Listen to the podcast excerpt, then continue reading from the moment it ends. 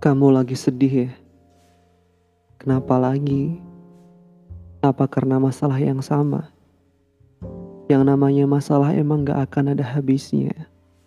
Bakal muncul terus, gak pernah istirahat. Jadi jangan biarin hati kamu istirahat barang sesaat. Hati kamu harus selalu terjaga. Takutnya, kamu malah jadi yang lemah. Terus menyerah. Aku bangga loh sama kamu. Karena di titik ini, kamu masih berdiri tegap menghadapi semua masalah yang ada. Bersyukur dan bersabar ya. Jangan lupain itu semua.